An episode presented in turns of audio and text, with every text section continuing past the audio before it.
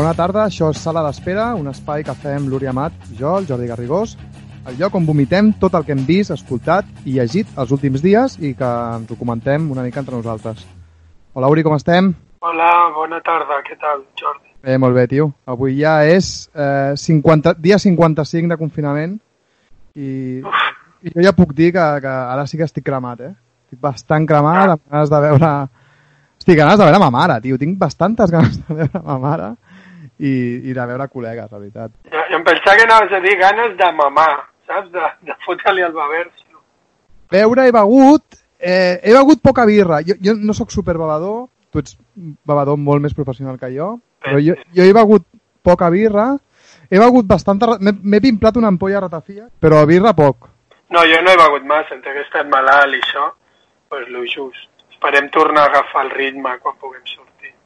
L'altre dia vam estar comentant que, que havies estat malalt perquè, clar, nosaltres vam fer un podcast que era un pilot l'altre dia, una primera gravació, que no veurem, no sabem si, si veurà la llum aquest podcast. I, i, i avui que era, era el primer oficial, teníem un convidat que ha caigut a última hora per enfermetat. Esperem que no sigui res greu. Una abraçada al Joan, si ens escolta i això veu la llum, perquè el primer no, no ho ha fet. Eh, com, com el definiries, aquell pi- primer pilot que vam fer, Uri? No sé, va quedar bastant bé, no? Vam deixar sentir eh, els més íntims i no feia vergonya aliena, que ja és molt. Sí, el que vam fer va ser parlar molt de música, vam parlar durant una hora de música, avui, avui farem altres coses, però per començar eh, sí que va una mica relacionat amb el tema musical, que és la, la pèrdua del Rock Deluxe, de la revista Rock Deluxe, que aquesta setmana ha anunciat el, el seu tancament després de, de 35 anys sortint cada mes al quiosc. Tu, Uri, la, la llegies gaire? Bueno, jo, jo era més del Ruta 66 al començament, a la meva època més així garajero, psicodèlia, quan em movia amb els mods i tal, i jo era més de ruta, diguéssim. Però bueno, quan, quan vaig començar a escoltar més música, sí que reconec que, que la comprava, no? Pues per escoltar diferents estils, ja m'havia obert més de ment i tal, això sí que s'ha de reconèixer, que era una revista eclèctica i tal, i que quan pillaves a, a col·laboradors que molaven, pues mira, es podia llegir. I mm. això, la comprava eh, algun cop que agafava un avió així, perquè era l'única revista mig llegible que hi havia als quioscos d'aeroport. Bé, evidentment, abans que res, eh, el tancament, abans que res, i sobretot ens sap greu pels treballadors de la revista i pels col·laboradors. I tant. Això no s'ha ni de dir, però sí que és veritat que aquests dies s'ha parlat molt bé del Rock Deluxe, eh, que té moltes llums. Jo, jo sobretot crec que la gran llum és que ha concentrat la millor penya que durant anys ha parlat de música a Espanya. Per mi els meus, els meus crítics favorits estaven allà, eh, o pràcticament tots. Diria que a mi m'agrada molt, per exemple, el Javier Blanquez, que crec que no ha sigut molt del Rock Deluxe. El teu germà tampoc el, el, el poso super a dins del Rock Deluxe, tot i que, que també hi ha escrit molt. El Xavi Cervantes, que és, que és company meu del diari, per no dir, bueno, és el meu cap del diari, ara mateix. Eh, per mi és l'històric del Rock Deluxe que més em flipava. No sé tu si tenies molt controlats els crítics. El meu germà em dic que és el Quico Amat, per la gent que no ho sàpiga, no? Que un germà. I a mi, bueno, m'agradaven... Tampoc els tinc molt controlats, perquè ja et dic que la seguia molt de tant en tant. A mi m'agradava el Nando Cruz, la, la última pàgina aquella que feia el Lenore abans de tornar-se boig i mig fatxa. Eh, el, meu, el meu germà, mm, algunes entrevistes també de la, de la Ida Camproví o no sé, gent així propera, potser. Els altres no els controlo massa. El, el Manel, el Manel Penya, quan escrivia pel Rock Deluxe, també. No sé, que també va acabar com malament, crec. Clar, No sé aquí, si es pot dir aquí. Sí, jo suposo que, que bueno, ell, el, el Manel ho ha explicat i també estava en l'article que ha dit el Nando Cruz, que també va acabar molt malament amb Rock Deluxe. Eh, I jo crec que és la gran ombra no, de Rock Deluxe, que és una cosa que aquests dies eh, s'ha obviat, ningú ha explicat, evidentment potser perquè no és el moment, però, però sí que crec que no passa res per dir i, i no ens agradarà més o menys Rock Deluxe per dir Sí, a mi és una revista que m'agrada, que hi he publicat tampoc moltíssim, però hi he publicat i sempre que he volgut que els hi vaig proposar algun article eh, me'l van comprar i la relació va ser meravellosa i realment el, el, bueno, meravellosa, com a mínim correcta i, la, i el que pagaven estava bé, no era super precari, tampoc era la hòstia, però, però no fomentava com un periodisme molt precari en aquest sentit. El que sí que és veritat és això, que és que jo crec que ha tingut unes ombres molt clares que no s'han explicat gaire i que sobretot són la seva submissió abs absoluta als últims 7-8 anys de la revista cap a, cap a un festival, cap a Primavera Sound. Que et pot semblar millor o pitjor, a mi em sembla, i això ho vam parlar l'altre dia en el podcast aquest que mai veurà la llum, que quan has de pagar les factures i quan has de pagar el menjar de, dels teus fills tot és, o pràcticament tot és lícit. Per tant, tampoc, tampoc m'hi fotria molt, no?, amb, amb, amb que ells, per mi, van vendre de capçalera el primer de Sound. No sé si tu també era una cosa que veies. Bueno, sí, jo, jo crec que quan van començar a cobrir tants festivals d'una manera tan bèstia que ocupen pues ja llavors sí que la vaig deixar del tot. També perquè era molt cara amb lo del CD, que és una política que també feien la Mojo o Encat al, a, a, a Anglaterra. Jo crec que és una, bueno, és, és una decisió una mica paliaguda, perquè la gent que ja anem comprant discos i tal, pagar aquest paston per una revista que els CDs mai els escoltaves... Ai, mai. No, mai de la vida. Mai de la... Clar, això abans d'internet, gent que no viu a una capital de província o tal, doncs igual sí, no sé, no vull dir cap nom de poble, però un tio que viu a un poble perdut de mig de Castilla-León o jo què sé, o de Catalunya, eh, jo què sé, a la plana d'on sigui, eh, doncs igual sí que li va bé aquest CD, no? Igual ha introduït a molta gent, a grups, a mi també me'n deu haver descobert, de grups i tal, però ja et dic que no, Sí, és això. Jo, a mi el que em passa és que després de llegir-la o de comprar-la, sobretot pel preu i tal, que si hagués sigut un fanzinillo de dos euros, doncs t'és igual, perquè el llences. Però després de llegir-la sempre m'han penat, hòstia, m'he gastat aquest pastom, i a més m'han fet posar de mal humor, perquè hi havia un, com un to de superioritat en alguns, no? potser amb les editorials, sobretot, alguns col·laboradors una mica pedants, no sé l'intent aquell de copiar la premsa anglesa, de muntar-se polèmiques inventades, i el que tu dius, sobretot el suport acrític a la cultura a grans festivals. A mi fotia de molt mal humor.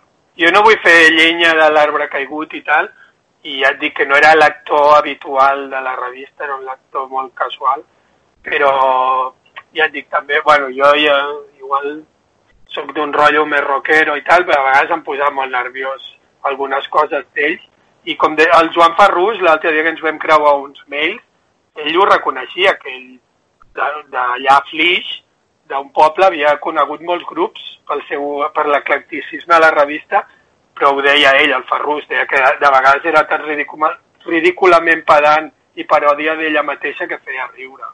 Yeah. Jo estic una mica d'acord amb això. També moltes de les coses que han dit aquests dies també deuen tenir raó. Vull dir, alguna revista així havia d'existir, no?, que cobrís aquest ventall, però no sé. A sí. mi jo no era molt fan. I, i també és veritat que, que hem, hem dit que no diríem molt les coses bones perquè crec que ja s'han dit, però sí, que hi ha una cosa bona, que és que ells, eh, per exemple, sent una revista bastant enfocada a l'indi, doncs, per exemple, et podies trobar reportatges sobre hip-hop o tal, que podien estar bastant guais, o de grups de, de metal o tal, que a mi no m'interessaven, però hi eren, però, per exemple, sí que, per exemple, al final ells s'apunten al, al carro aquest del reggaeton. A mi em sembla que no ho fan d'una manera eh, molt sincera. Em sembla que és la primera vegada que ells no fan aquest pas eh, per apostar per una música d'una manera molt sincera, sinó perquè se'ls menja el que està venint a nivell internacional i perquè, torno al mateix d'abans, doncs perquè el festival del qual depenen publicitàriament eh, fa una aposta molt clara per aquest tipus de música. És llavors quan ells aposten més per, per, la, per, per això de l'urban, no? Jo no ho sé, jo aquí ja ho desconec totalment, això. No. Ja, aquesta polèmica ja me l'he perdut, jo crec que ja la vaig deixar comprar ja, ja fa bastants anys que no la comprava. Ja. Val, seguint, seguint amb el tema de la música, Uri, eh, tu has, has trobat a faltar anar, anar de concert aquests 55 dies que hem estat tancats? Sí, t'haig de ser sincer, la veritat és que gens.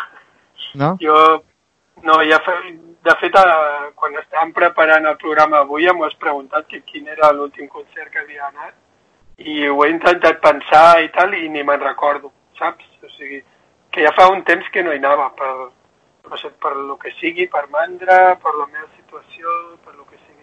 L'últim cop que vaig anar a un lloc amb gent mirant com a un escenari era el, això que fa el Roger Peláez a l'antic teatre amb mandonguilles de Franillo, que és un rotllo així una mica de stand-up comedian estripat, però no sé si compta com a concert. Ja, ja et dic, no me'n recordo l'últim. I tu? Que... Jo vaig fer... Eh, clar, jo, jo tinc la, la, les dues classificacions. Per feina vaig fer Vetus Tamorla a l'Auditori, és l'última crònica de concert que vaig fer. I després vaig anar a l'Helio pues, tres setmanes abans de que tanqués això, crec que vaig anar a l'últim bolo per, per plaer, com si diguéssim, que va ser el Joan Miquel Oliver. Ah, sí. Vale. Així m'ho vas dir. Sí. A l'Helio és superple de gent. Clar, ara és una cosa sub, totalment impensable, no? Està amb tota aquella penya a l'Helio, però sí, sí, era... Saps aquests concerts de l'Helio, tio, que, que, que no et pots moure, és físicament impossible eh, moure't de, del teu lloc, pues és un d'aquests bolos al, al Joan Miquel Oliver. Ja, ara, ara si veiessis una gravació d'això segur que et posaries nerviós, no? No et passa que ara quan veus sèries i veus gent fent-se petons o multituds, dius, t'entra com una angoixa de què fan, saps? Després te n'adones que ells no estan a confinar. M'entens? No t'ha passat això? no, no he pensat amb el... O sigui, a mi em passa, eh? A vegades és com, hòstia, què I després penses, no, clar, això està gravat, és a un altre lloc. És molt raro, això. Aquesta, aquesta penya no pensen que hi haurà una, una distopia. Exacte. La qual no et podràs tocar. Ja. Jo l'altre dia em vaig eh. trobar el, el Joel, Joel, Joel Rojas, It's ah, sí? Not Not. Sí, me'l vaig trobar anant al mercat aquí del carrer Verdi i, i clar, la, la, la, la, la, el moment en què et trobes és com, hòstia, què, què hem de fer? Vam fer això de xocar-nos amb, el, amb el colze? Sí, com feia el capità Haddock amb, el, amb un amic seu, sempre ho fèiem. Sí, doncs pues, pues vam fer això i, i res, hem estat xerrant un rato que el pobre Joel ha estat sol. Hosti, no m'imagino estar confinat sol, eh, tio? Tu has estat molt temps sol, però sempre has estat amb algú, no? O sigui, has estat aïllat però hi havia algú allà. Sí, exacte. Jo sol no he estat mai. En una casa sol, vull dir. Hi havia gent que em cuidava. Hòstia, a mi em costaria, eh, mentalment, tio, el... mantenir una mica la... el cap a lloc. Ja. Bueno, deu haver fet moltes videoconferències, això. Ja. Clar, jo, jo n'he fet molt poques. He fet les, les mínimes possibles, de fet. Ja.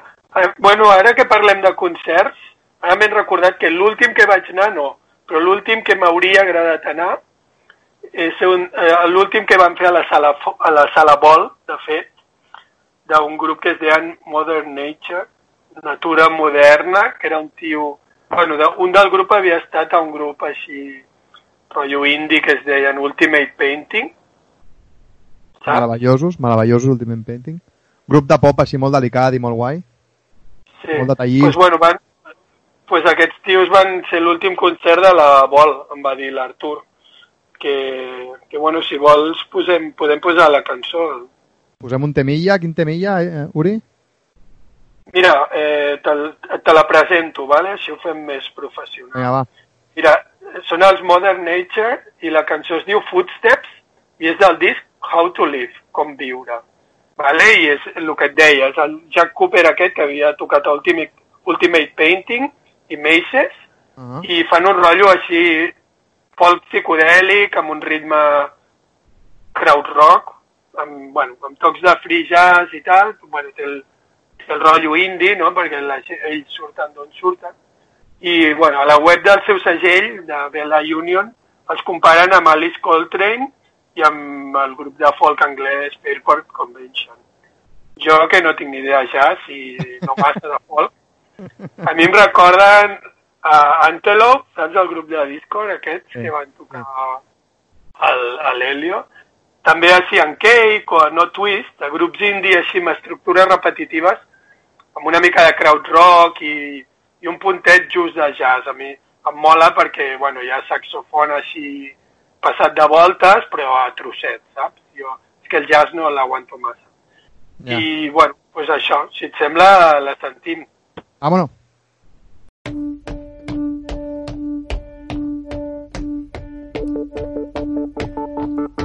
Thank you.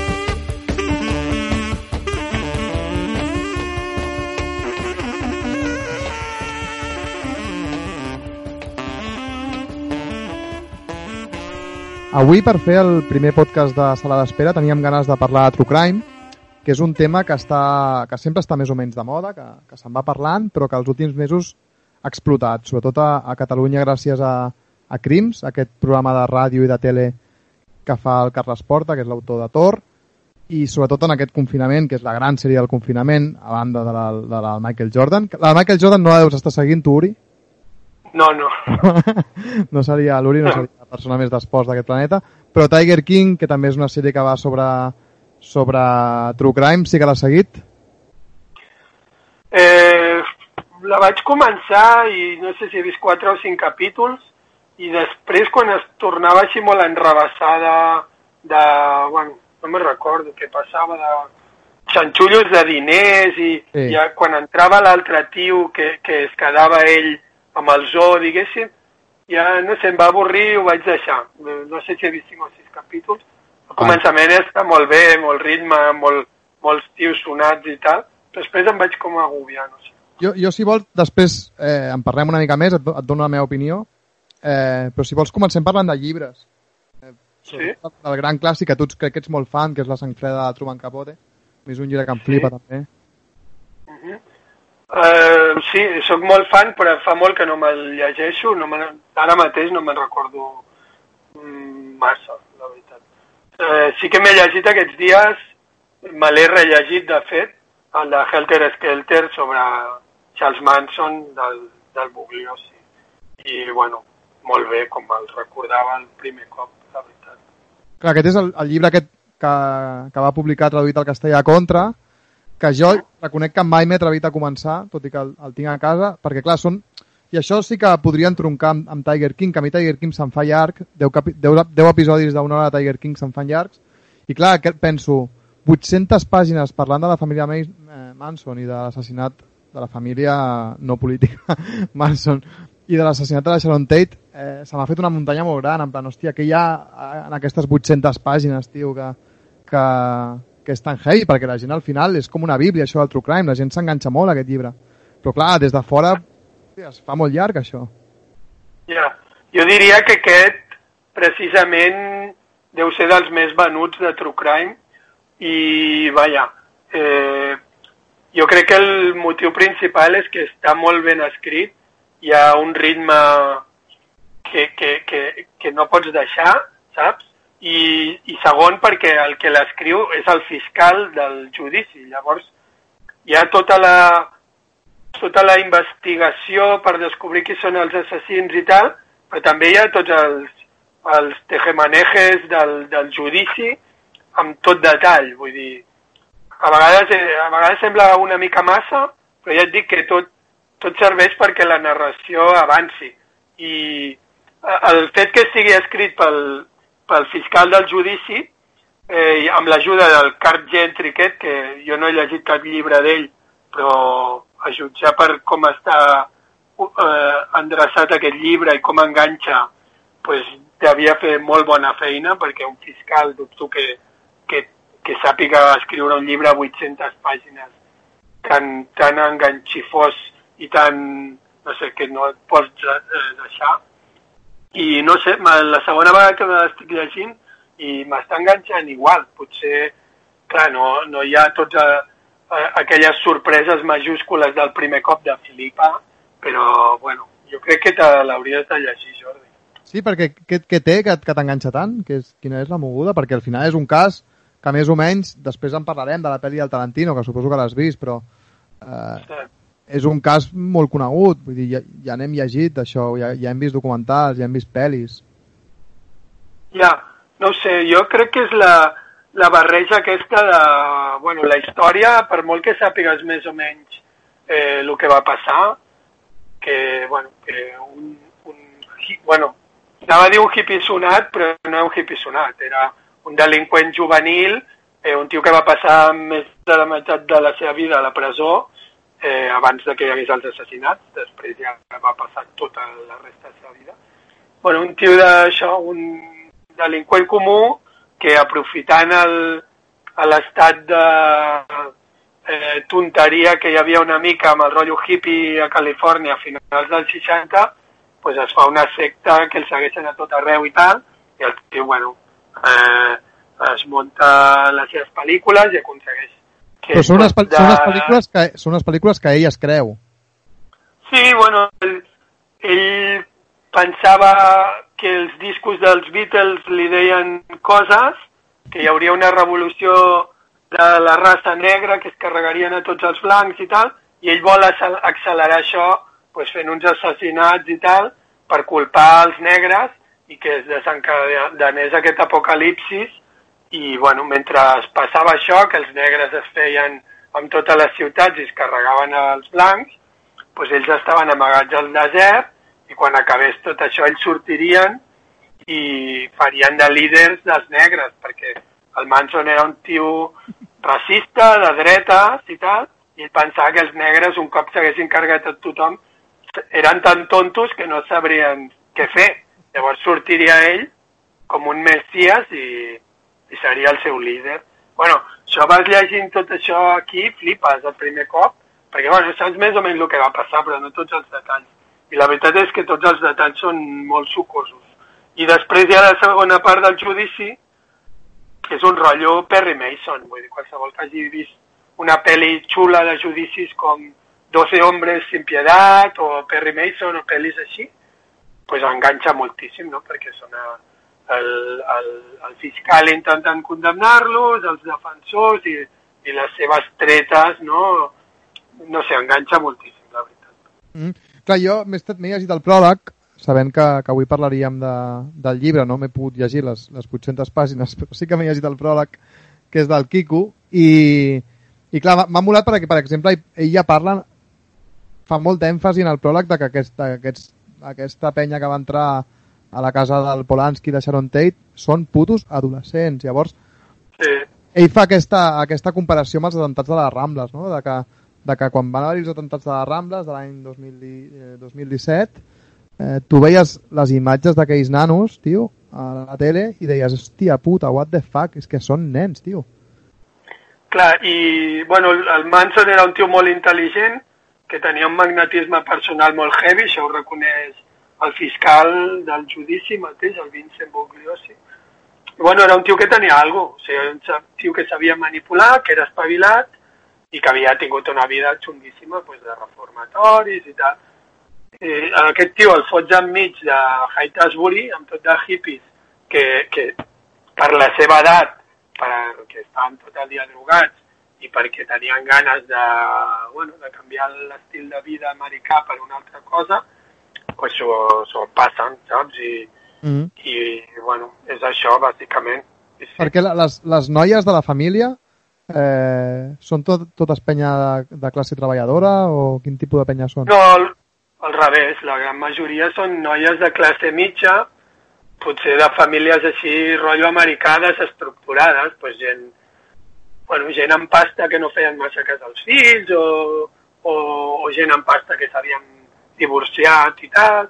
Bueno, tot això també sumat al fet que a aquella època, bueno, amb el rotllo Haight-Ashbury, que es va tan pos- posar tan de moda, pues, trencar el vincle amb els pares i, i anar-te'n allà a viure una mica la vida, pues això, quan eres un pur adolescent.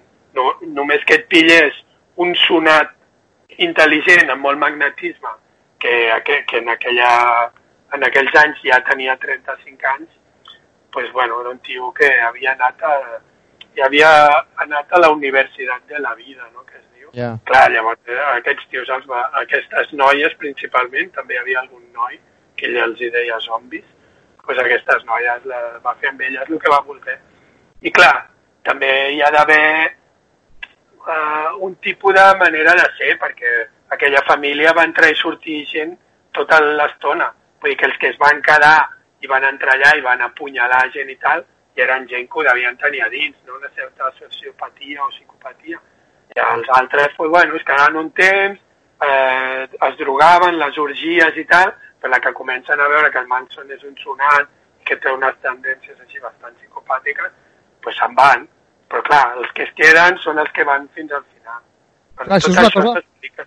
Això és una cosa que, que, que surt a la pel·li del Tarantino. A la pel·li del Tarantino, que evidentment per qui l'hagi vist i qui no, doncs que deixi d'escoltar, eh, és una reescripció de la història però fins, com si diguéssim fins a l'últim moment és bastant fidel a la, al, al, que, al que passa de realitat, fins, fins l'última escena, com aquí qui diu.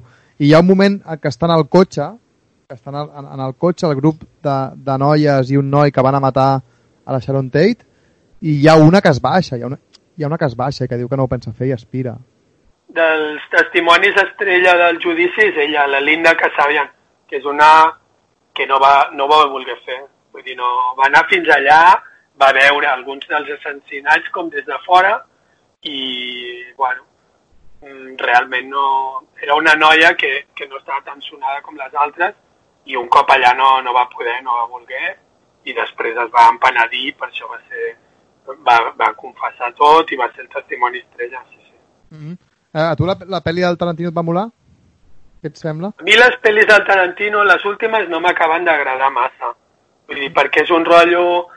L'argument no té massa xitxa, vull dir, són, són divertides, són com pel·lis de sèrie B de Kung Fu, no? Hi ha un conflicte i al final sempre hi ha com una venjança, no? Tant a Malditos Bastardos com aquesta bueno, com a pel·lis d'entreteniment trobo que, que són massa llargues, tenen moments divertits i això, però no sé, no, no, no em diuen, no m'acaben de, de dir molt. Em, em distreuen aquella estona que estic al cine, mm. però a vegades se'n fan llargues i això. Clar, jo, jo, jo anava a anar una mica per aquí, que és que crec que, que és la típica pel·li que les, les pel·lis del Tarantino, com a mínim aquesta última, però sí que també passa amb Altos Bastardos i passa amb Django i passa amb Odiosos 8 amb aquesta m'ha passat segur, que és m'agraden molt, molt les interpretacions, m'agrada evidentment molt el diàleg i tipus de llenguatge que utilitza el Tarantino, m'agrada la tensió que li posa a les escenes, tal, em sembla molt xulo, l'ambientació, la música, em sembla tot molt guai, però sempre tinc la sensació de que li sobra metratge i de que no va barraca. En aquesta pel·li, en aquesta pel·li hi ha, hi ha escenes que clarament no serveixen per la història. Sobretot moltes de les escenes del DiCaprio de quan, de quan grava de quan grava pel·lis i tal. M'agrada molt com ho fa el DiCaprio, evidentment. Té, té aquell, aquell, per exemple, aquell diàleg amb aquella nena, que és molt xulo, eh, però per la història no té cap tipus de sentit, aquell diàleg. El que més em, em, em sobra és com els finals aquests com infantils, no? De, bueno, ja ho sabem, que el Manson i aquestes ties eren dolents. Ja ho sabem, que els nazis eren dolents. Però és com, ara faré que els bons matin els dolents, saps? Ho trobo com, vale, sí, ho sabem, però és com infantil, no? Trobo jo, no et fa pensar massa un tipus de pel·lícula així. També, també sempre estem amb... Vull dir, és un debat que podem tenir etern, que és què busquem, no? Quan, quan veiem una pel·li de, al cinema i quan veiem una pel·li del Tarantino. A mi normalment eh, el que fa amb, amb... per mi sempre és un 7 o un 8, mai és un 5 i mai, i mai és un 10 o com a mínim no és un 10 des de igual des de Jackie Brown o no sé si Kill Bill què dir-te però però vaja, sempre em quedo amb aquesta sensació de que és molt guai, de que té totes les coses que a mi m'agraden, però li sobra que es treu la xorra, tio, que se la treu constantment. Sí, és una mica, és una mica això, no? Mireu que bon director que sóc, que segurament ho és, i bon guionista, perquè... Bueno, és sí, això, i, i totes les referències cules que poso, que em molen els westerns antics, que em molen els pells no? d'arts marcials, no sé què, tot això, ell, ell ho ensenya tot el rato i és guai, són referents guais al final. La música increïble, evidentment. Però bueno, és això, ell sem sempre penses, bueno, m'he tragat l'última pel·li d'ell i ell, i ell com a persona sempre penses que és una mica el que tu dius, una mica el capullo, no? Pues de, de, em trec la xorra i faig el que vull, com que tothom cola el que faig, pues ja està i ja et dic, a mi el que, em, el que no m'agrada és això, que a vegades em sento que com, a, com a espectador que m'estan tractant com a tron. Sempre penso que ha acabat el guió així ràpid amb, la, amb el final feliç xorra. Abans de seguir parlant de True Crime, eh, et volia posar una cançó, ja que anem escollint cançons per anar, per anar escoltant mentre, mentre xerrem, que és una cançó del Roy Wood, fundador del grup mod The Move. Suposo que a tu et devien agradar els The Move. Veritat és que sí, però el Roy Wood en solitari no, no l'he sentit. Clar, després ells, ells, van fer, ells van fer la ELO, no?, després de, dels Move, um, mm -hmm. i just quan fan el canvi a la ELO, ell fa un disc en solitari, que és un disc així molt, molt cabaretera, molt Kings, com si diguéssim, la cançó està, està superguai. I la vaig descobrir, aquest, aquest tema, perquè a l'Ira Kaplan de Yo la Tengo està fent uns podcasts de música superxulos. Saps aquesta ràdio universitària on, on de tant en tant fan versions un cop a l'any per Nadal i tal, o per Hanukkah, no sé quan. Pues el tio està fent, està fent amb la Georgia uns podcasts de música que són increïbles i, i que els recomano mogollon. I allà va punxar aquesta cançó del, del, del Roy Wood. Per cert, no sé si t'has vist que han fet un homenatge a Jo la tengo aquí a Barcelona. Pues sí, la, la Vero l'altre dia em va posar una cançó molt xula, la veritat que havien fet, de Mian Davis. Jo he fet un tema amb el, amb el, amb el Marc i el, i el Miqui Otero i el, i el Lluís de la Sousa i és, és bastant guai perquè són 52 grups de Barna fent, fent versions de Jo la tengo, que és un grup així com molt honest, no? A mi, o sigui, és un grup que em molen moltíssimes cançons, però sobretot molen ells, no? que siguin una penya com tan autèntica i, i tan, jo que sé, tan guai. Pues jo només he sentit la de Mian Davis. Has dit 52 grups? Sí, tio. Ja sí, sí, Déu-n'hi-do. sí, hi ha un mogollon de col·legues. Nosaltres vam fer una com a Pizza Capri, una versió de Nothing to Hide, del Popular Songs. Eh, però bueno, no, no posaré una cançó meva mai en el meu podcast. Però posem aquesta del Roy Wood, vale? Vinga, veiem què tal. Sing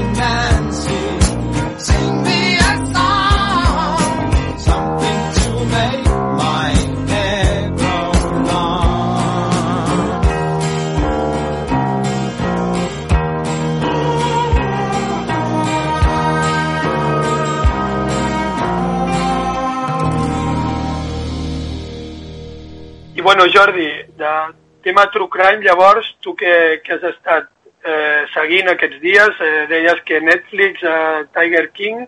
Què Sí, més? jo, jo Tiger King, jo, jo l'he vist, jo l'he vist sencera, eh, i per mi és una sèrie que és un sí però no. Eh, evidentment, no, no et diré que és una, que és una sèrie de, de sèrie B, però tampoc seria... No crec que hagin destinat grans recursos a la sèrie, vull dir, no, ni que tingui un guió molt espectacular, ni esté explicat especialment bé, eh, però evidentment el cas, el cas és fascinant. És, és, és un cas d'assassinat no resolt d'un ricachón nord-americà fet suposadament per la seva dona, que és una salvadora de tigres que viuen en captivitat als Estats Units, i alhora l'intent d'assassinat d'aquesta mateixa dona, d'aquesta tipa, per part d'un tal Joe Exotic, que és un tio que té un zoo ple d'animals salvatges a, a Oklahoma. Llavors, vale, aquesta història és molt guai.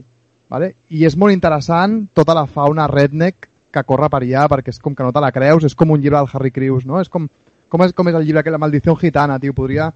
Maldició gitana de Harry Crews, tots aquells personatges podrien estar al zoo, de, al zoo del Joe Exotic.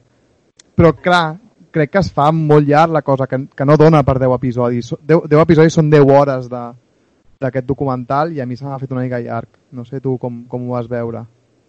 Clar, és el que et dic, jo la vaig deixar al cinquè o sisè, quan ja... Clar, sí, sí que m'hagués agradat saber com acabava el del marit de la, de la dona i tal, però si ho vaig deixar és que no, no m'interessava. Bueno, el, pa, el, paio, el paio evidentment acaba al taleu. El tio està al taleu. El tio va... Hi ha un moment que, que fa una conxorxa per intentar matar en aquesta palla i, Ja. i està al taleu i... Potser, és que ara, potser ara estàs fent spoilers, no, ja?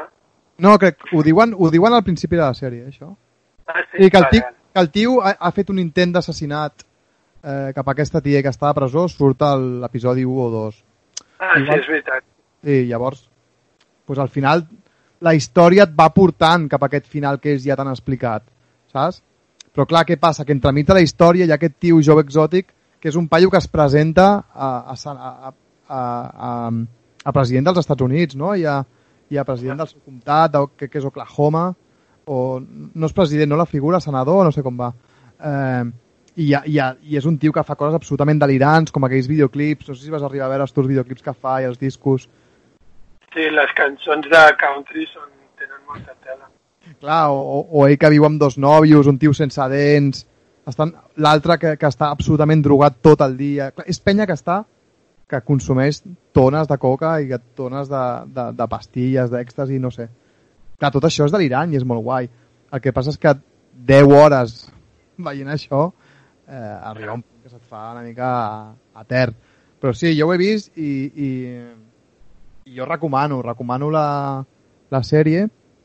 El que no recomano són els extras que han fet després, perquè ja sí que és passar-se. Vull dir, si els 10, les 10 hores ja és passar-se, després tragar-se un, un, un capítol d'entrevistes als protagonistes, menys el jove exòtic que està a la presó, eh, ja, és, ja és too much.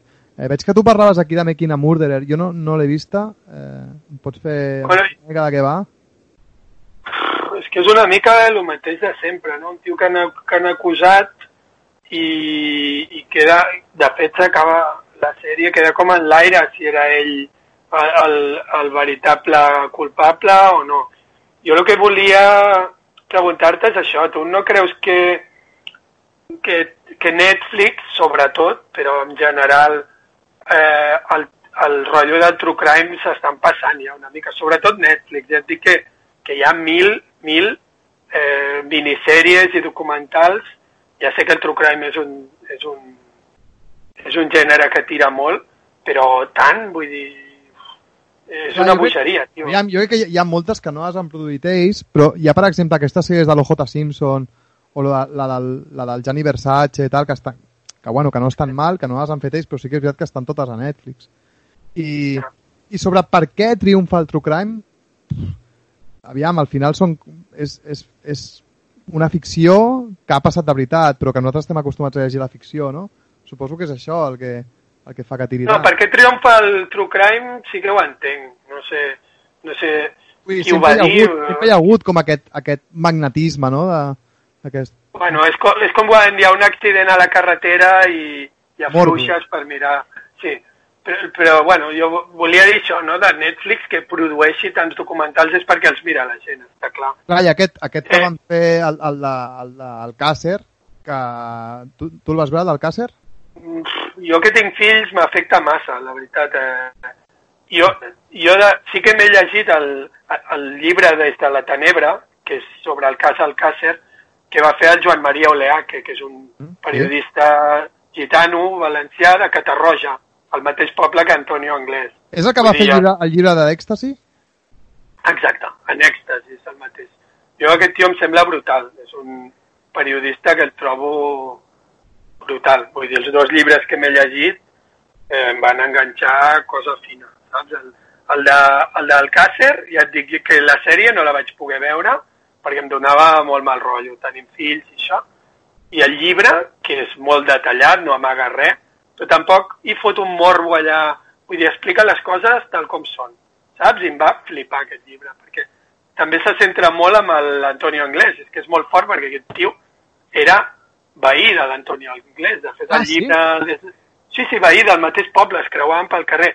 Eh, el- L'Oleac em sembla que diu que ell era més petit, el mateix Oleac era més petit que el- que l'Antonio Anglès, i que algun cop se'l va creuar pel carrer i el típic de, dels quinquis no, et, et vacila, saps? Com l'Oleac es va canviar de vorera i l'anglès se li fot davant, com dient, tu per què et canvies de vorera? No? Saps això que fan els quinquis, no? De que si et canvies, perquè et canvies, i si no, perquè no.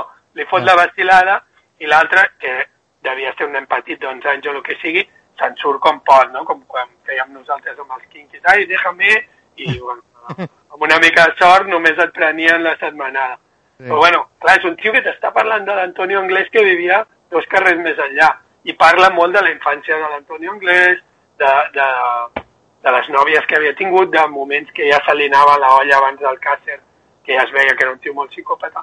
I és un llibre prim, i aquest no, no són 800 pàgines, i el pots trobar en alguna biblioteca, costa trobar, però bueno, i val molt la pena. I et dic que no és gens morbós. I això que explica eh, els assassinats de les tres nenes, anava a dir tot luxe de detalls? No, amb tot luxe de detalls no, explica el que va passar. I punt. Clar, és que el, el tema de Càcer, al final, més que...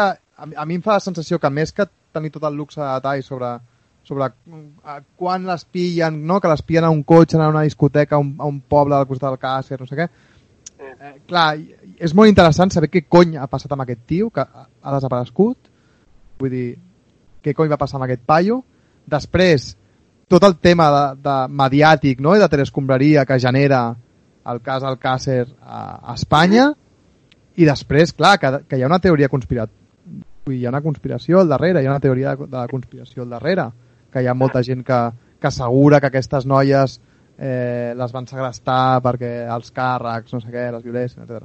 Llavors, clar, tot això, tota aquesta mescla de coses és la que em sembla realment interessant, més que, que el true crime en si, saps?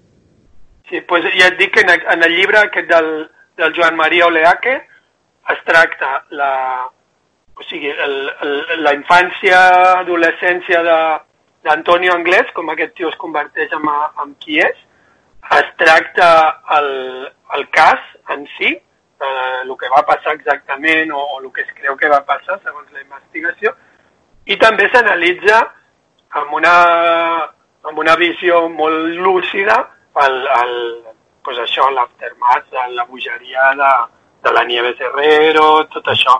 És que és el un llibre molt El bo. documental sobre una cosa, Uri, tio, que és increïble, que és que eh, hi ha un dels pares de la nena que és el que porta la veu cantant amb, amb, amb el tema mediàtic, no? I d'investigació, no, no recordo, evidentment, són Toñi, Cris i no sé què, no? No, no sé. pues el pare de l'amigo d'un d'aquestes. I, i, i hi ha un moment que marxa, no sé si a, a Itàlia o a, jo què sé, tio. Ah, no, a Londres. Marxa a Londres eh, no sé si per una entrevista, no sé si per jo què sé, perquè tenen una pista de, que els porta allà, el que sigui. Doncs aquest tio, quan està a Londres, és quan troben el, els cadàvers de les nenes, ¿vale? Llavors, aquest tio torna a Espanya perquè ha de reconèixer la seva filla o perquè la seva filla han trobat el cos. Doncs, pues, tio, hi ha, un, hi ha una càmera que el segueix tot el trajecte amb l'avió, tio, des de Londres fins a, fins a, fins a València, fins a Madrid i després a València. Tio, una càmera, un paio, tio, al costat gravant absolutament tot. I això és el que es veu al documental, més enllà del tema de la Nieves Herrero, que si, Herrero, que si algú no ho recorda, és que dos dies després o el mateix, la mateixa nit que troben els cadàvers de les nenes, els cossos, fa un programa al poliesportiu eh, municipal del Càcer, que és una pornografia emocional absoluta eh, sobre la, la, la tristor i, i, i la desgràcia de la gent, a més gent de classe obrera, eh, no especialment culta, etc i que els matxaca en directe. Eh, tot això està en aquest documental, que és, que és guai de veure, perquè clar, ho estàs veient allà i estàs... et sembla increïble que en aquell moment es fes això. Bueno, jo crec que aquest tio, pobre, en aquell moment està en un moment que no podem ni imaginar com és sentir-se així No, i no. va prendre molti moltíssimes decisions equivocades, però... En parla en aquest llibre, la- aquest tio? Sí, sí. Bueno, ara, ara ja fa uns, un parell d'anys que me'l vaig llegir, però sí, me'n recordo que parlava de, de tot lo de Nieves Herrero i de com havia sigut el circ mediàtic i tal. Vull dir que segur que, que parlen a, bueno, de, de la postura que va prendre aquest pobre tio. No és de True Crime, però no sé si has vist el, el documental del, del Jesus Hill de HBO. Mm, lo mateix, el vaig començar a veure i el vaig deixar. Sí, jo també el vaig deixar, però, però suposo que ho vas veure que va ser el primer, és el primer episodi, tot allò de Los Ángeles de San Rafael, que és absolutament increïble. Sí, això sí que ho vaig veure. Passatges de la història d'Espanya que, que no, moltes vegades no es parlen i no es recorden, però és absolutament increïble, que és que aquest tio munta una ciutat de zero. Mhm. Bueno, ara que, que treus aquest tema, eh, sí que he vist aquests dies de confinament la, la minissèrie documental sobre el Palmar de Troia. Uh, el Palmar de Troia, que era un poble de no sé on, uh, dos nenes van dir que havien vist la verge i al cap de quatre dies allò ja estava ple de gent que s'ho va creure i al cap de poc més ja, ja va anar gent com a aprofitar-se'n, no? I un dels que va anar eh, és un tio que, que, que aprofitant pues, la bogeria, l'èxtasis de la gent d'haver vist a, a la verge o de, de pensar-se que unes nenes havien vist a la, a la verge, el tio es, s'autoproclama papa i es munta, sí, sí, es munta un, una secta allà, però molt bèstia, que foten una catedral gegant i amb, i amb, i amb bisbes i de tot, vull dir, encara existeix. Vull dir, és, és és una de les coses aquelles de l'Espanya negra que ho veus i, i, i que és tot, eh, com que cada cosa que passa dius, no pot ser, tio, no pot ser. Jo havia llegit algun article d'això en el Mondo Bruto, perquè és el típic tema que els Sí, interessava, típic. Sí. però clar, veure un documental amb imatges reals i la veu del tio, del, del, del papa aquest, que, que bueno, la gent que, que es va fotre en, en el, la secta del Palmar de Troia i tal, eh, pues van deixar la, la, la doctrina catòlica i, i van, bueno, van seguir aquest papa en contra de l'altre papa. Vull dir, és molt bèstia, molt bèstia tot plegat. Clar, això em recorda aquella sèrie de Netflix eh, que no recordo com es diu, eh, Wild Wild Country, que, que, vam, que vam portar a primera persona a la, a la Sheila, que era com la, com la secretària no? del tio. De... És- Té un rotllo així igual? no es pot ni comparar perquè, vaja, és que és un rotllo tan espanyol. Sí, la mateixa gent que surt allà a la Setmana Santa a besar a la Virgen o, o que surten amb el nadó recient nascut a que toqui la Virgen. Eh, És el mateix, però més anat de voltes perquè veus com es crea una religió eh, en un any que, que, que segurament tingui la mateixa poca raó que la religió, entre cometes, de, verdadera, no? que és la catòlica, és la mateixa bogeria, però l'altra triga dos anys, ai, dos mil anys en crear-se, i lo del Palmar de Troia, pues, en, un, en un any o dos anys, pues ja s'han muntat un tejemaneje allà semblant, saps? Però ells segueixen la Bíblia, el Nou Testament, Antic Testament... crec que se'n fan un eh, sui generis, saps, a la seva mida. Com interpretant-ho com els hi rota amb ells pels collons. És, és molt fort. És, molt... és que, clar, penses, ala, tio, vaya bogeria, o molta gent que sigui catòlica, igual pensen, com s'han pogut creure això? Pues, eh, clar, eh, et posen el mateix cas que l'altre, el que l'altre han tingut molts anys per inventar-s'ho i canviar coses, i aquests ho han fet tot a pinyó. Uri, abans de seguir xerrant de True Crime, que no hem parlat de Crims, que és com el gran True Crime català, i de Tor, que és el, el predecessor de, de Crims, eh, posem Gang of, Gang of Four. Jo he proposat aquesta cançó perquè, bueno, va molt amb la, amb la línia del que estem vivint tots interiorment a, a, durant aquesta, aquesta espècie de, de confinament postapocalíptic. És una cançó dels Gang of Four, un grup que, que el, no cal presentar, no? aquest grup mític de post-punk ballable i ultrapolític. I aquesta cançó és del, del seu tercer disc, Songs of the Free, un disc que no va tenir massa èxit, potser perquè té un so una mica més comercial. A mi a estones m'arriba a sonar fins i tot a Duran Duran. No, no ho dic negativament, hi ha cançons a mi de Duran Duran que m'agrada, i té uns papinassos com la que posarem ara, o com a I Love a Man in a Uniform, que va ser prohibida per la BBC durant la Guerra de les Malvines. L'he escollit principalment perquè em sembla que, que tant el títol com la lletra descriuen bastant la situació que vivim. Mm. Uh, la cançó es diu We live as we dream, alone. O sigui, vivim igual que somiem, sols.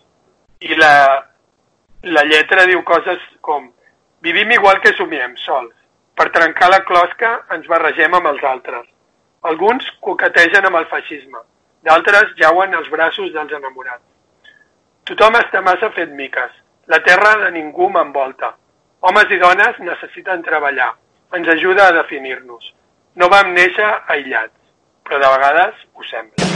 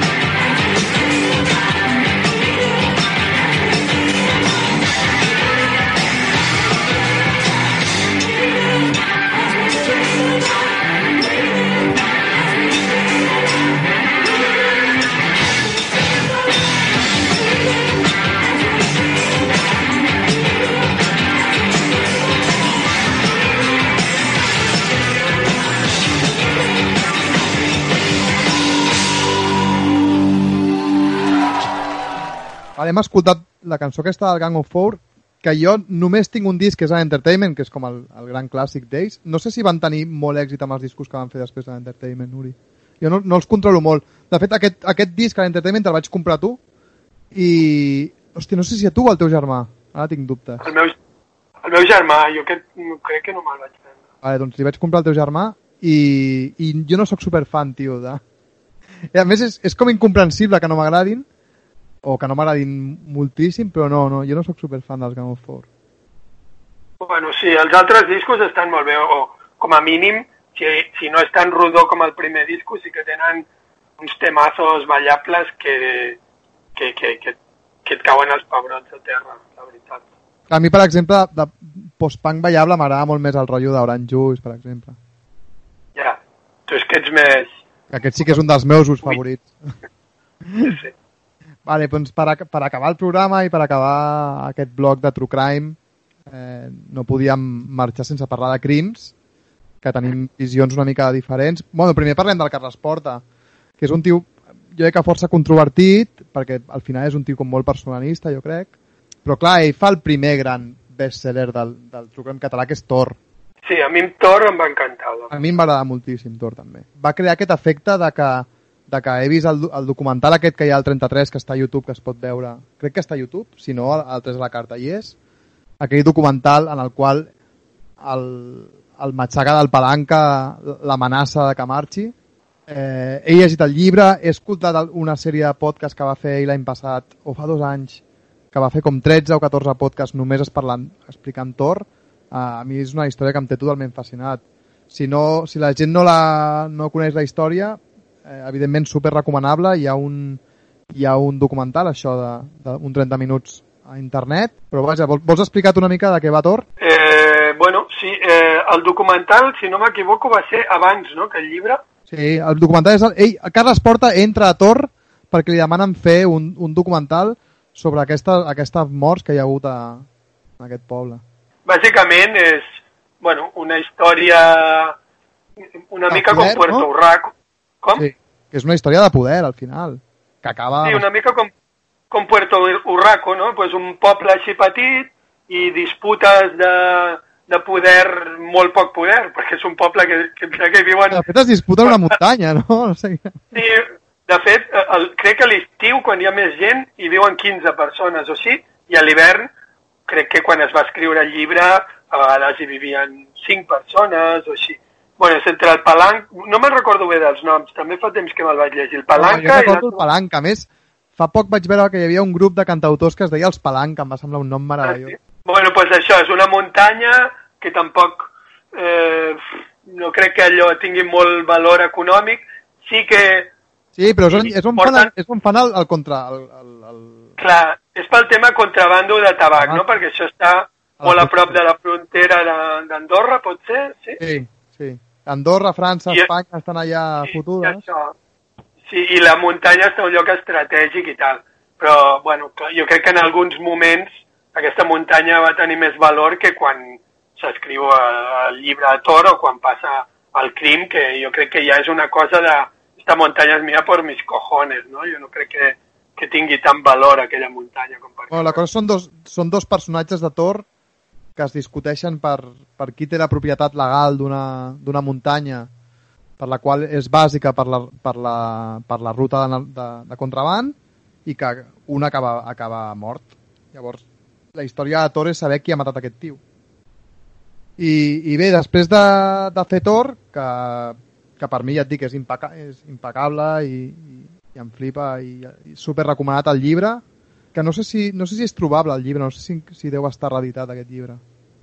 Cre- crec que l'han reeditat bastant cops. eh, eh, Algun cop fins i tot venia amb el CD del, del 30 minuts i trobar-lo, no ho sé, al mercat de Sant Antoni si es pot trobar, però a les biblioteques n'hi ha moltes còpies, eh? Vull dir, Sí, no? allà, Mm. cap problema. Després que és un revival de Thor, eh, el Carles Porta li encarreguen un programa a Catalunya Ràdio que es diu Crims, en els quals ell repassa, i ho diu tal qual, la història fosca de Catalunya, que és eh, bueno, pues explicar els casos més bèsties d'assassinats o de violacions, sobretot assassinats, eh, o també, també inclús en fa algun de, de robatoris, perquè fa el, a l'assalt del Banc Central. Ah, sí?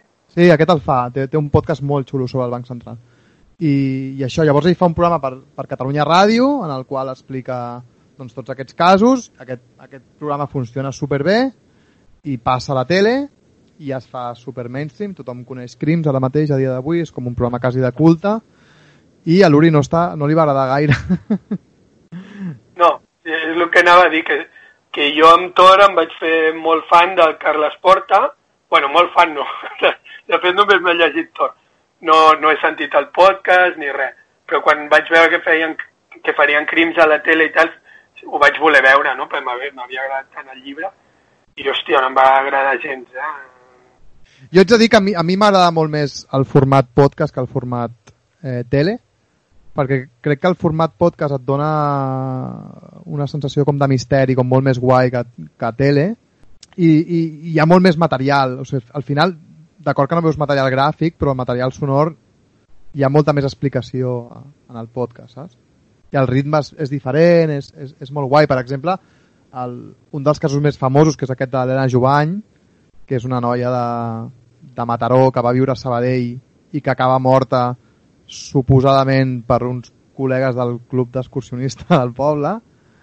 El, el podcast eren set programes, eren set hores explicant aquest cas. Després el de tele crec, crec, crec, crec que eren dos programes a tele. La cosa que no et va agradar a tu, Uri, va ser aquell primer programa del, del Brito i el Picatoste, que són dos tios que s'escapen de, de la presó de Lleida, eh, que va ser el primer de tele. A mi, jo havia escoltat, jo de fet vaig entrar al, al podcast de ràdio amb aquest, eh, i em va molar molt. A més, el vaig enganxar un dia aturat a la- a l'autopista. vaig posar Catalunya Ràdio, va sonar aquest, aquest podcast i em va flipar. Eh, I a, de tele em va agradar menys, però vaja, no comparteixo tant les teves crítiques, que són sobretot al, al, al voltant del paper que ell dona als Mossos, no? Sí, eh, a mi em va semblar una mica, una mica public reportatge sobre els Mossos i just en el moment que ho, que ho va, que va sortir a TV3 veníem de, de les De les hòsties. de les, pro- de les, de les protestes contra la sentència i tal, que en aquell moment era com, sí, això, doncs mira els Mossos que són, que bons que són i tal. Jo el que em passa és que tinc un problema molt gros amb la policia, o sigui, no puc amb, amb l'abús de poder, el rotllo jeràrquic, la violència, eh, el monopoli de la violència. Llavors, clar, jo veure aquest documental en aquell moment em va crear molt rebuig, la veritat. No? Clar, jo, La, la, pol- estic d'acord amb tu, eh? però al final, eh, i jo també ho diu a la policia, obertament, però, però si la policia serveix per alguna cosa, és per resoldre aquest tipus de casos, saps? Exacte, Llavors, sí. llavors jo, jo, jo recordo que em vaig parlar molt, i crec que en vam parlar amb tu també, no? que, és, que és en plan, ja, és que els casos, tio, aquest tipus de casos no el resol el Pepe Carballo, no existeix el Pepe Carballo, el resol la policia, tio. Vull dir, per alguna cosa serveixen. Pel que no serveixen és per, per fotre hòsties a una escola que la gent vol votar o per fotre hòsties a uns xavals que estan fumant petes o per fotre hòsties al que sigui o per intimidar o fer ús de la violència. Però per això sí que serveixen.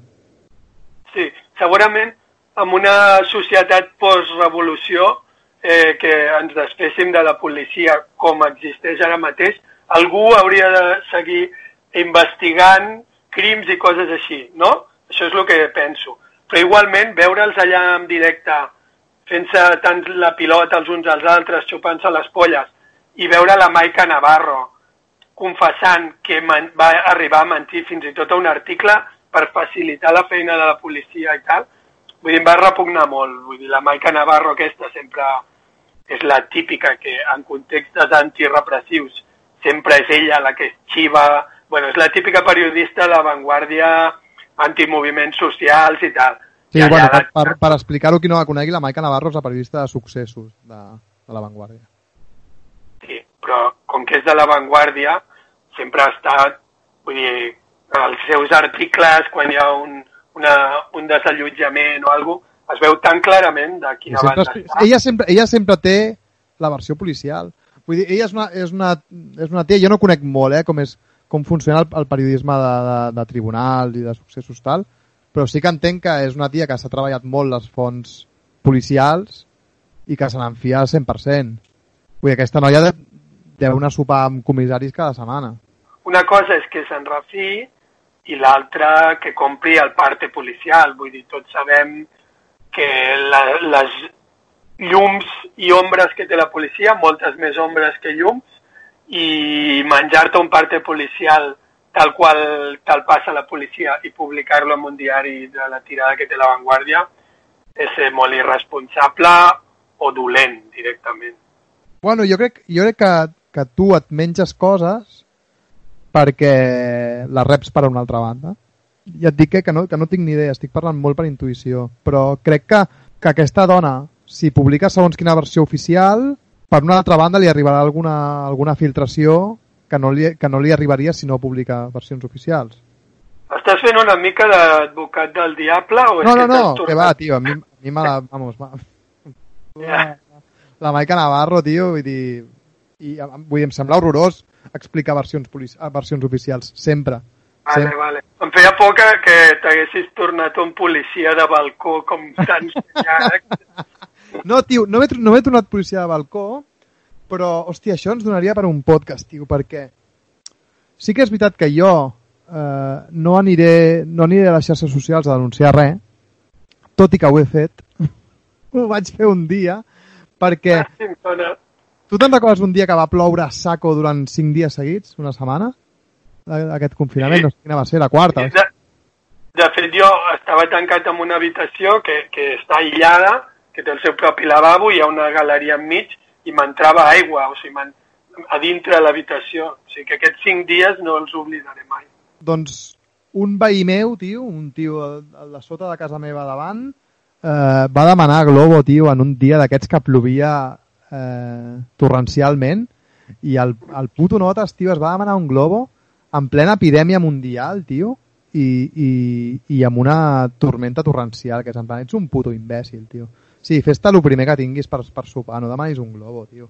Que més que saps tot el que ha fet Globo durant, aquest, durant aquesta crisi, que ha sigut un escàndol eh, acollonant, que és baixar el sou de, dels tios que reparteixen. Eh, hòstia, no siguis còmplice d'aquesta merda, tio. Fes-te uns putos espaguetis, ni que sigui el que tinguis, tio. Ves al colmado davant de casa, que en tenim un davant de casa, i no demanis Globo, tio, que ets un desgraciat. pues això ho vaig fer una foto i ho vaig penjar al, ho vaig penjar al Ho vaig, Twitter. ve ho vaig veure, ho vaig veure. però, però llavors hi ha el debat aquest sobre la gent que, pues, que, no, que no respecta les normes, d'acord? Llavors, jo sí que... Eh, jo tinc dubtes sobre si hem de comprar aquest discurs eh, proteccionista del govern, de que el govern està fent el millor que pot, que pot per, per salvar-nos a tots plegats i, i que les mesures que, que ells han determinat són positives. És, és, evidentment, hem de dubtar tots d'això. Però en el moment en, en, en què estem seguint tots unes normes, tio, vull dir, jo quan veig parelles, ara ja no perquè ara ja poden, però quan he vist parelles caminant pel carrer quan no es podia, pensava, tio, eh, evidentment jo no et denuncio, jo no et crido, a mi me la pela, tio, però crec que no ho has de fer, perquè si un expert, un tio, un, una comissió d'experts sanitaris han dit que no ho fem, tio, doncs pues igual, el més solidari amb els meus pares que porten 60 dies tancats a casa és que no ho facis, perquè no crec que sigui un, una cosa tan important sortir en parella. És, és un Ja. exemple, eh? Però em sembla una cosa com de, tio, de, de respecte i suport mutu dels uns als altres, en plan, tio, fem Ja. les putes coses bé. Jo no et aniré a denunciar a la policia, a mi me la pela, tio. Però, hòstia, tio, jo què sé, ara, ara, ara que es pot sortir, l'altre dia vaig anar al Paraguai caminant, tio, i grups de 8-9 persones amb gossos, tio, és en plan, què feu, tio? bueno, una mica poli de balcó veig que t'has tornat llavors. Sí, però... ja, tio, però jo no els dic res, jo no, no els dic res a ells ni, ni, ni li dic res a ningú. Per... Li dic a la pobra Júlia que, que ho aguanta, però... Però, tio, és que em sembla que s'ha de ser més... S'ha de pensar més amb, les, amb, amb, amb els teus veïns, tio. Ara que toquem aquest tema, precisament, avui he llegit una entrevista amb el Manuel Delgado al VilaWeb. Sí, no l'he llegit, però es veu que està guai, no? Mm, a mi no m'agrada No? tampoc, eh? Diu unes coses... No ho sé. Eh, és, bueno, una mica el que tu dius, però una mica passat de voltes. el titular és l'única manera de resoldre aquesta situació és obeint. Vale?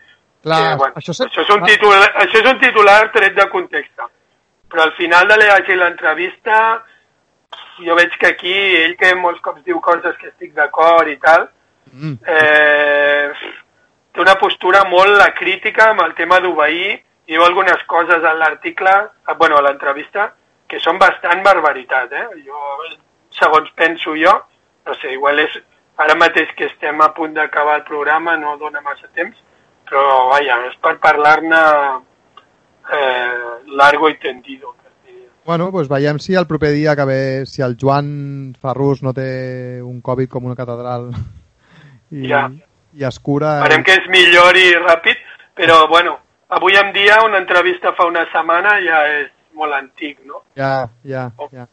Bueno, igualment que la gent, jo que sé, pues, si algú escolta això i ho vol llegir, és via web. Jo he viscut que algú ho penjava al Twitter, gent molt entorn de la CUP, eh, que potser estan equivocats, no ho sé, no ho he llegit. Jo la CUP també cada cop els compro menys, però bueno.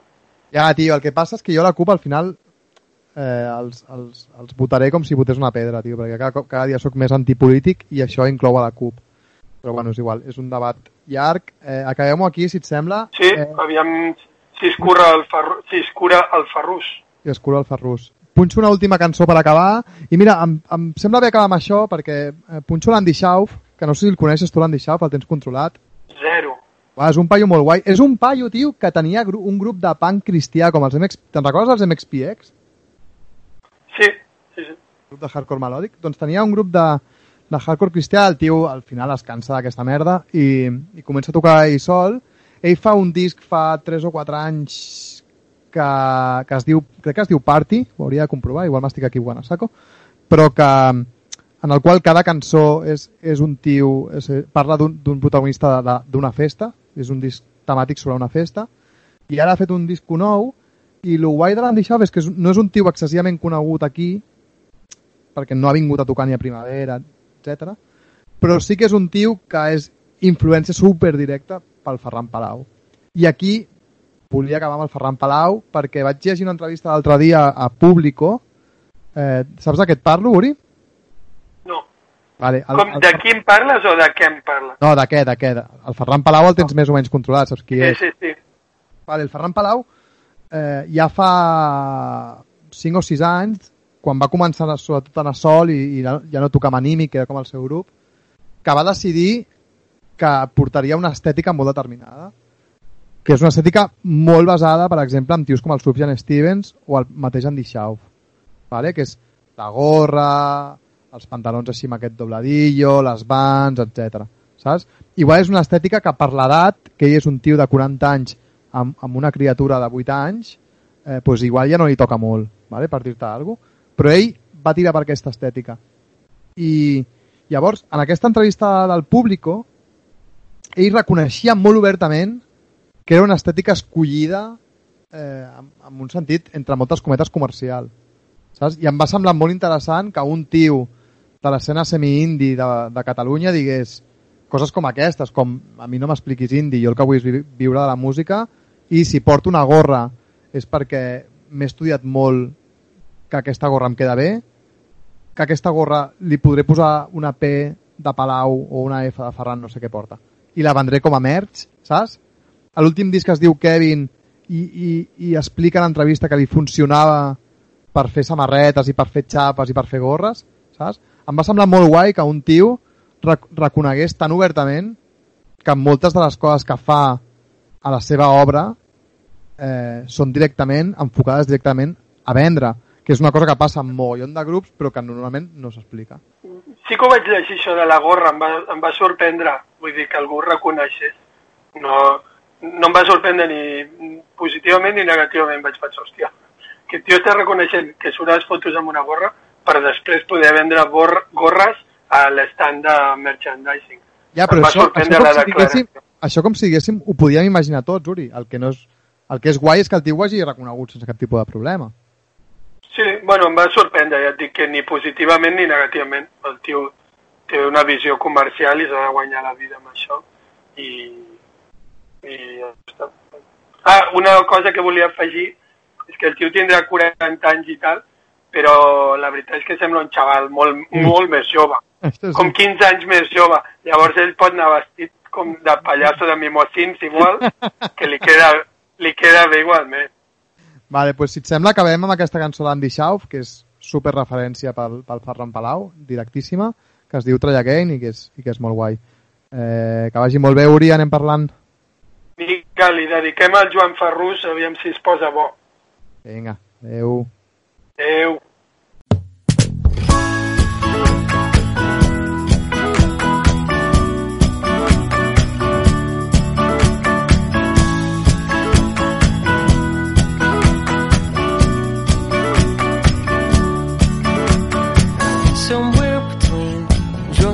And chivalry, I hold the door open and let her pass through.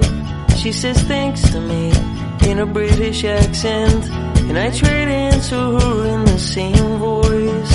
She laughs at me, says, What was that supposed to be? I say, I'm sorry, I'm from a different part of the country. She says, come on, baby, try again. Come on, baby, try again.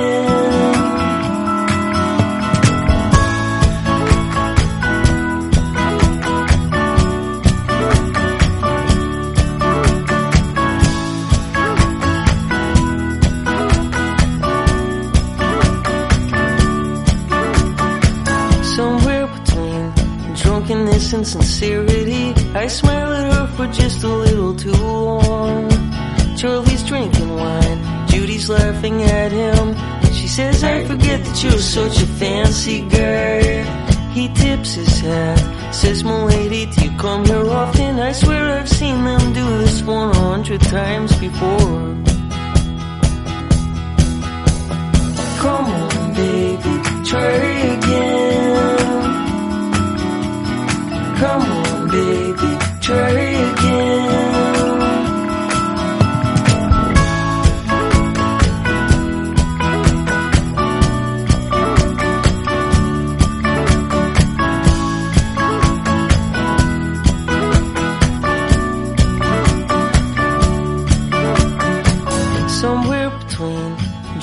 Drunkenness and charity, she puts her hand on the sleeve of my coat. She says, I've missed this. I say, I know I've missed you too. She says, I was actually talking about your coat. She makes me laugh.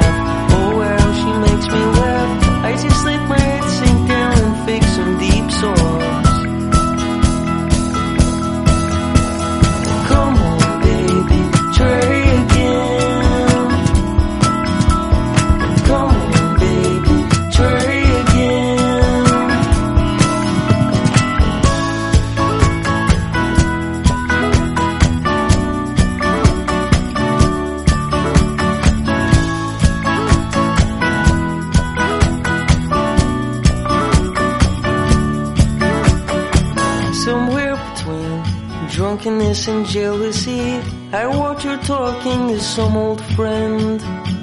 What a reunion! He recognized her across the room. How many years could there be to catch up on? And somewhere between drunkenness and honesty, I make a silent toast to the things that I do and don't miss. Come on, baby, try again. Come on, baby, try again.